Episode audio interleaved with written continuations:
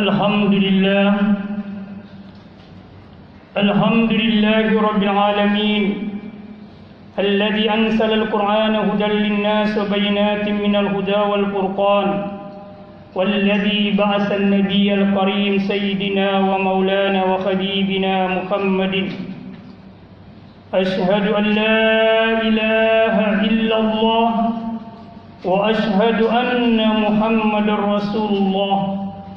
اللهم صل وسلم وبارك على مولانا محمد وعلى آله وأصحابه ومن تبعهم إلى يوم الدين. أما بعد. وأوصانا الله في كتابه الكريم وصية كبيرة وعظيمة كما قاله. يا أيها الذين آمنوا اتقوا الله حق تقاته ولا تموتن إلا وأنتم مسلمون Jumat yang dirahmati Allah Subhanahu wa taala jika seorang muslim atau orang yang beragama Islam ingin mencapai derajat spiritual yang tinggi di sisi Allah yakni menjadi muslim sejati menjadi mukmin hakkan benar-benar beriman kepada Allah dan mencapai puncak akhlak ihsan menjadi seorang muhsin maka paling tidak dia harus memahami dan mengilmui empat hal. Yang pertama dia harus mengilmui Allah Subhanahu wa taala dalam istilah yang lebih praktis disebut ma'rifatullah mengenali Allah Para ulama berkata awwaluddin ma'rifatullah.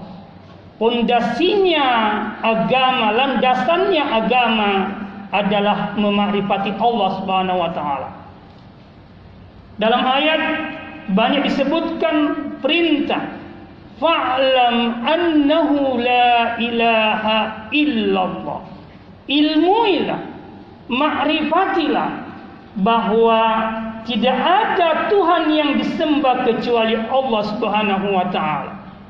Bahkan ayat yang sering dijadikan dalil tujuan penciptaan manusia yakni wa ma halaqtul jinna wal insa illa liya'budun. Aku tidak menciptakan jin dan manusia kecuali untuk liya'buduni. Orang sering menerjemahkan liya'buduni untuk menyembahku. Para ulama menerjemahkan liya'buduni itu liya'rifuni supaya dia memakrifatiku. Lalu kemudian dia menyembahku. Karena penyembahan yang benar, penyembahan berdasarkan pengamahaman dan pengetahuan tentang Allah Subhanahu wa taala. Orang kalau menyembah tanpa mengenal siapa yang disembah, maka penyembahannya tidak akan sampai. Yang kedua yang harus dia miliki ma'rifatul rasul wa itratihi yakni memakrifati dan mengilmui siapa Muhammad sallallahu alaihi wasallam dan wa alihi dan keturunannya keluarganya karena Muhammad sallallahu alaihi wasallam dan keturunannya adalah jalan untuk memarifati Allah Subhanahu wa taala Orang tidak mungkin bisa mengenal Allah kalau dia tidak lewat Muhammad sallallahu alaihi wasallam. Itulah sebabnya kenapa dalam syahadat itu diukat diikutkan Muhammad setelah Allah. Asyhadu an la ilaha illallah wa asyhadu anna Muhammadar Rasulullah. Engkau hanya bisa bersaksi secara benar bahwa tiada Tuhan selain Allah kalau engkau bersaksi bahwa Muhammad Rasul Allah. Karena yang bisa menjelaskan siapa Allah yang sesungguhnya hanyalah Muhammad sallallahu alaihi wasallam.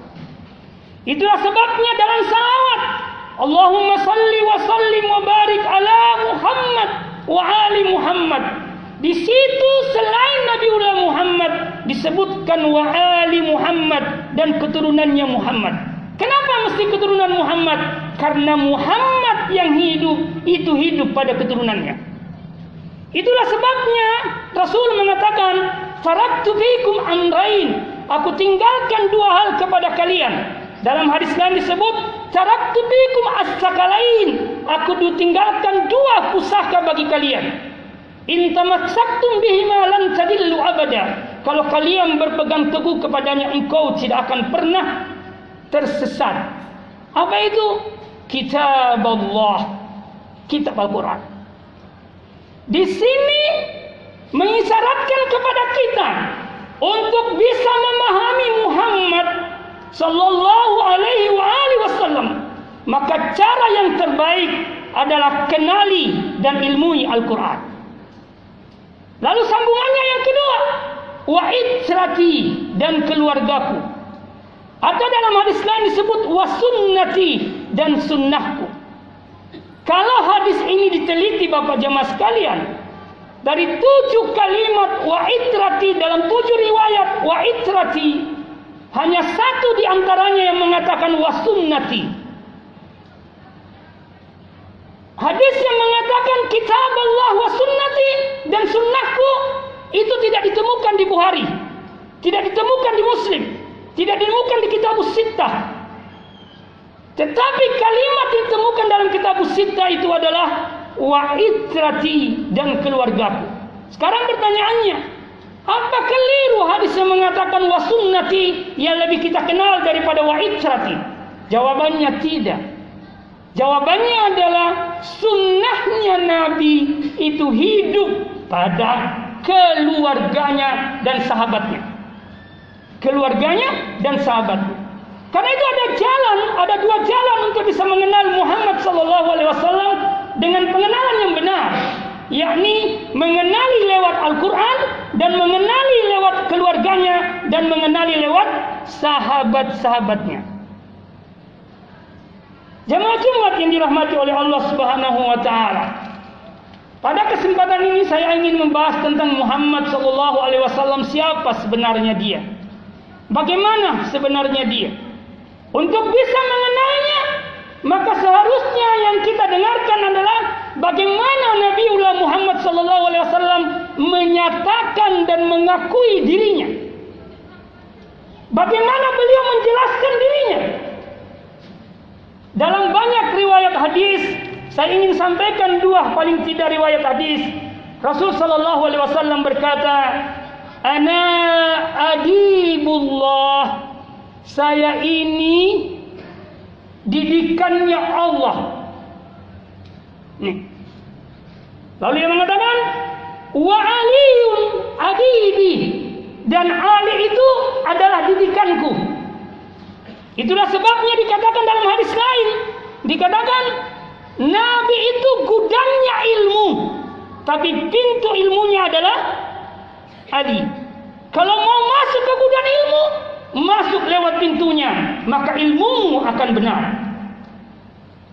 Maka karena Nabi mengatakan, "Ana adibullah." Saya ini didikannya Allah. Wa Ali adibi dan Ali itu didikanku. Pertanyaannya, bagaimana Allah mendidik Nabi Muhammad? Kalau mau dikaji ini dan mungkin tidak mungkin saya kaji ini di sini karena waktunya sempit. Bacalah surah Al-Muzammil. Bacalah surah Al-Mudatsir. Bacalah surah Al-Tuhan. Bacalah surah Alam Nasrah. Atau paling bagus baca surah Muhammad. Karena di situ akan dijelaskan siapa Muhammad yang sesungguhnya. Nah. Dalam hadis yang lain Rasulullah sallallahu alaihi wasallam bersabda, "Ayyuhan nas, wahai manusia, innama ana rahmatun muhadat." Sesungguhnya saya ini kado kasih sayang Tuhan yang paling indah kepada kalian wahai manusia. Nabi berkata, "Innama ana sesungguhnya saya ini muhadat adalah rahmatun muhadat adalah rahmat yang merupakan kado kasih sayang Allah kepada kalian. Percana pernyataan dan pengakuan Nabi Muhammad sallallahu alaihi wasallam itu dijelaskan di dalam Al-Quran yang kita sudah kenal bersama. Yakni ayat yang mengatakan A'udzu billahi minasyaitonir rajim. Wa ma arsalnaka illa rahmatan lil alamin Aku tidak menciptakan dan mengutusmu Muhammad kecuali karena engkau menjadi rahmat bagi seluruh alam. Kata al-alamin di dalam Al-Quran itu lebih banyak menunjuk pada manusia daripada alam-alam yang lain. Maka kita bisa berkata, "Wa ma arsalnaka tidaklah aku mengutusmu Muhammad rahmatan kecuali sebagai rahmat wujud kasih sayangku kepada manusia." Bahkan dalam hadis yang lain di hadis dijelaskan Allah berfirman, ketika Adam diciptakan, dia melihat di aras. Apa yang dia lihat? Kalimat La ilaha illallah Muhammadur Rasulullah. Maka ketika Adam melanggar larangan, dia melakukan dosa, dia nanti dikabulkan doanya dan pengampunannya diterima ketika dia berdoa kepada Allah, "Ya Allah, ampuni aku bihurmati Muhammad sallallahu alaihi wasallam." Ampuni aku Tuhan karena kemuliaan Muhammad sallallahu alaihi wasallam. Nih. Allah menerima tobatnya. Lalu kemudian Allah bertanya, "Hai Adam, dari mana kau tahu Muhammad?" Adam menjawab, Ya Rasul, Ya Allah, ketika engkau menciptakanku, aku baca di arasmu kalimat Muhammad mengikuti namamu. Lalu Allah menjawab, Wahai Adam, sekiranya bukan karena Muhammad, aku tidak menciptakanmu dan aku tidak menciptakan surga. Ini bukti bahwa Muhammad adalah rahmat bagi kita semua. Ini bukti bahwa Muhammad kita butuhkan. Tidak mungkin kita bisa selamat tanpa Muhammad. Tidak mungkin. Tidak mungkin kita bisa merasakan kenikmatan surga tanpa Muhammad. Tidak mungkin kita bisa bebas dari neraka tanpa Muhammad. Karena itu yang dimaksud dengan rahmat di sini. Muhammad sebagai rahmat, dialah pembawa kebajikan maka apa pun yang dari Muhammad pasti kebajikan. Itulah sebabnya Allah berkata, "Wa ma ataakumur rasulu fahusuhu." Apa yang datang dari Muhammad, ambil. Jangan pernah kau tolak. Wa ma nahakum anhu pantahu. Dan apa yang dilarang oleh Muhammad, jauhi. Karena seluruh yang datang dari Muhammad yang dia perintahkan taati, maka dia memberi manfaat kepadamu dan kau butuhkan. Dan apa yang dilarang Muhammad tinggalkan karena itu memberikan mudarat kepadamu, karena itu kau tidak butuhkan. Makna yang kedua daripada rahmat di situ Muhammad adalah pengarah, pemimpin untuk bisa merasakan kenikmatan surga. Pada saat yang sama, Muhammad penghalang, pembebas dari api neraka. Muhammad itu rahmat bagi kita. Pertanyaan saya, baik terhadap pribadi saya dan saudara-saudara saya, benarkah kita mengenal Muhammad? Benarkah kita sudah mengetahui siapa Muhammad? Setiap tahun kita merayakan Maulid Nabi Muhammad sallallahu alaihi wasallam. Tapi apa benar kita mengenal beliau? Pertanyaan saja. Coba dijawab. Kenapa Muhammad disebut Muhammad? Dinamai Muhammad. Kenapa Muhammad dinamai Ahmad? Kenapa Muhammad dinamai Abdul Qasim? Kenapa? Seorang Yahudi pernah bertanya kepada Rasul. Dia mengatakan, Dalam sebuah hadis dijelaskan seorang berkata bertanya kepada Rasul An wajhi tasmiyati Muhammad. Dia bertanya, Su'il sa'alahul Yahud. Bertanya seorang Yahudi kepadanya, An wajhi tasmiyati Muhammad. Tentang penamaan Muhammad atasnya. Wa Ahmad. Dan Ahmad, nama Ahmad. Wa Abul Qasim. Wal Bashir. Wal Nadir. Wal Da'i. Lalu Nabi Muhammad berkata menjawab, Wa amma Muhammad. Saya dinamai Muhammad. Fa inni mahmudun fil ard. Karena saya adalah manusia yang paling. Tidak ada orang terpuji di bumi selain Muhammad. Kalau ada orang yang terpuji di bumi selain Muhammad, maka dia pasti pengikut Muhammad. Kalau dia penantang Muhammad, tidak akan pernah terpuji. Lalu dia katakan, "Wa amma Ahmad, aku dinamai Ahmad, fa inni mahmudun fis sama." Karena sayalah yang paling terpuji di langit. Malaikat para nabi yang ada di langit, mulai langit satu sampai langit ketujuh, itu terpuji karena Muhammad.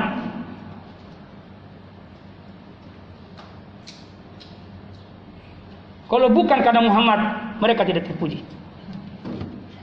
Lalu dia kasih, dia kata, wa amma Abul Qasim. Adapun aku dinamai Abul Qasim. Kata Nabi Muhammad sallallahu alaihi wasallam, fa inna Allah azza wa jalla yuqsimu yaumal yaksimu yaumal qiyamah kismatan nar wa kismatal. Karena pada hari kiamat nanti Allah membagi manusia itu satu golongan-golongan neraka dan satu golongan-golongan surga. Orang masuk neraka kata Muhammad, "Faman kafara bi minal awwalin wal akhirin fafil nar." Barang siapa yang kafir kepadaku mulai dari manusia pertama sampai manusia terakhir, fafil nar, maka di neraka. Wa yaksimul jannah kismal jannah. Lalu kemudian dibagikan surga. Kata Nabi Muhammad sallallahu alaihi wasallam, "Faman amana wa aqarra bi nubuwati faminal jannah."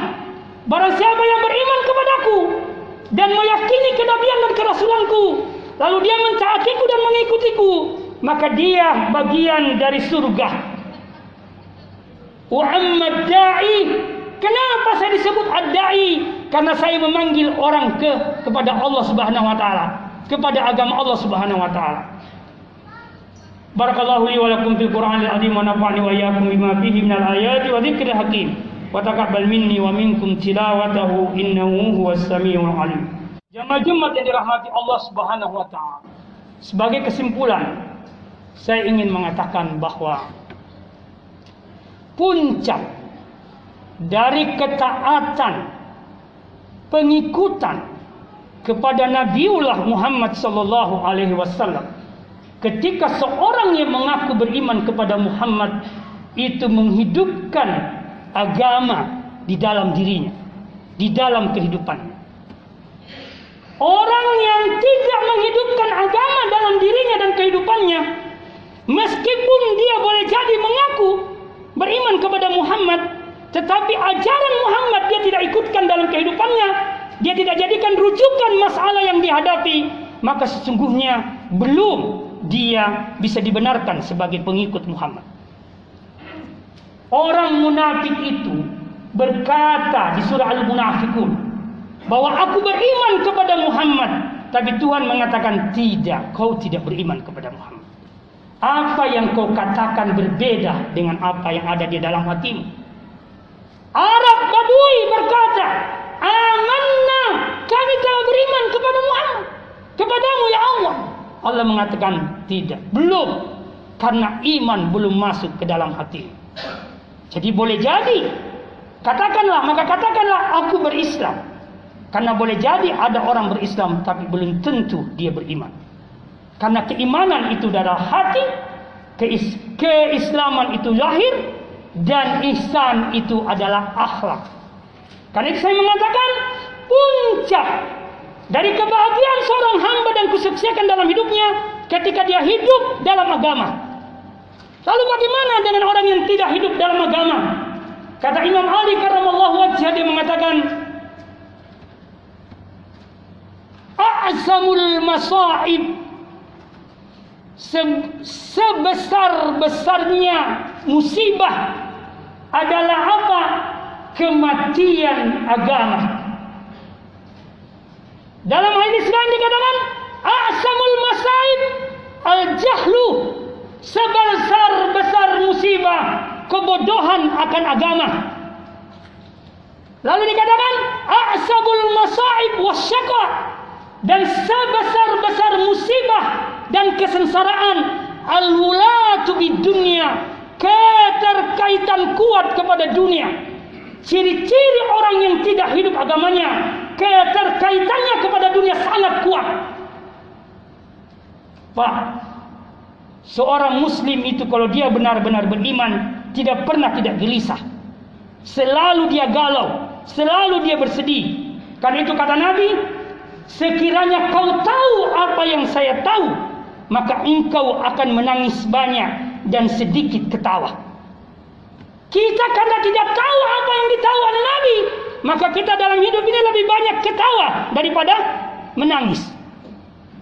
Tapi kesedihan, kegalauan, kekhawatiran seorang yang beriman berbeda dengan orang yang tidak beriman. Kalau orang beriman itu khawatir, dia khawatir jangan sampai salatnya tidak diterima. Dia khawatir jangan sampai dosa-dosanya semakin bertambah. Dia khawatir jangan sampai dia banyak melupakan Allah. Yang dia khawatirkan akhiratnya, bukan dunianya. Tapi ciri orang yang beriman yang tidak beriman yang kurang iman yang dia khawatirkan apalagi besok yang saya makan. Apalagi yang saya pakai. Yang dia khawatirkan adalah dunianya, tapi dia lupa akhiratnya. Yang terakhir sekali Imam Ali berkata, La hayata illa biddin. Tidak ada kehidupan kecuali dengan bersama agama. Wala mauta illa bijuhudil yakin. Dan tidak ada kematian kecuali mengingkari agama. Orang yang hidup dengan agama insya Allah tidak pernah mati meskipun dia wafat. Tapi orang yang hidup tanpa agama maka sesungguhnya dia sudah mati dalam kehidupannya apalagi di akhirat. Mari kita berdoa kepada Allah Subhanahu wa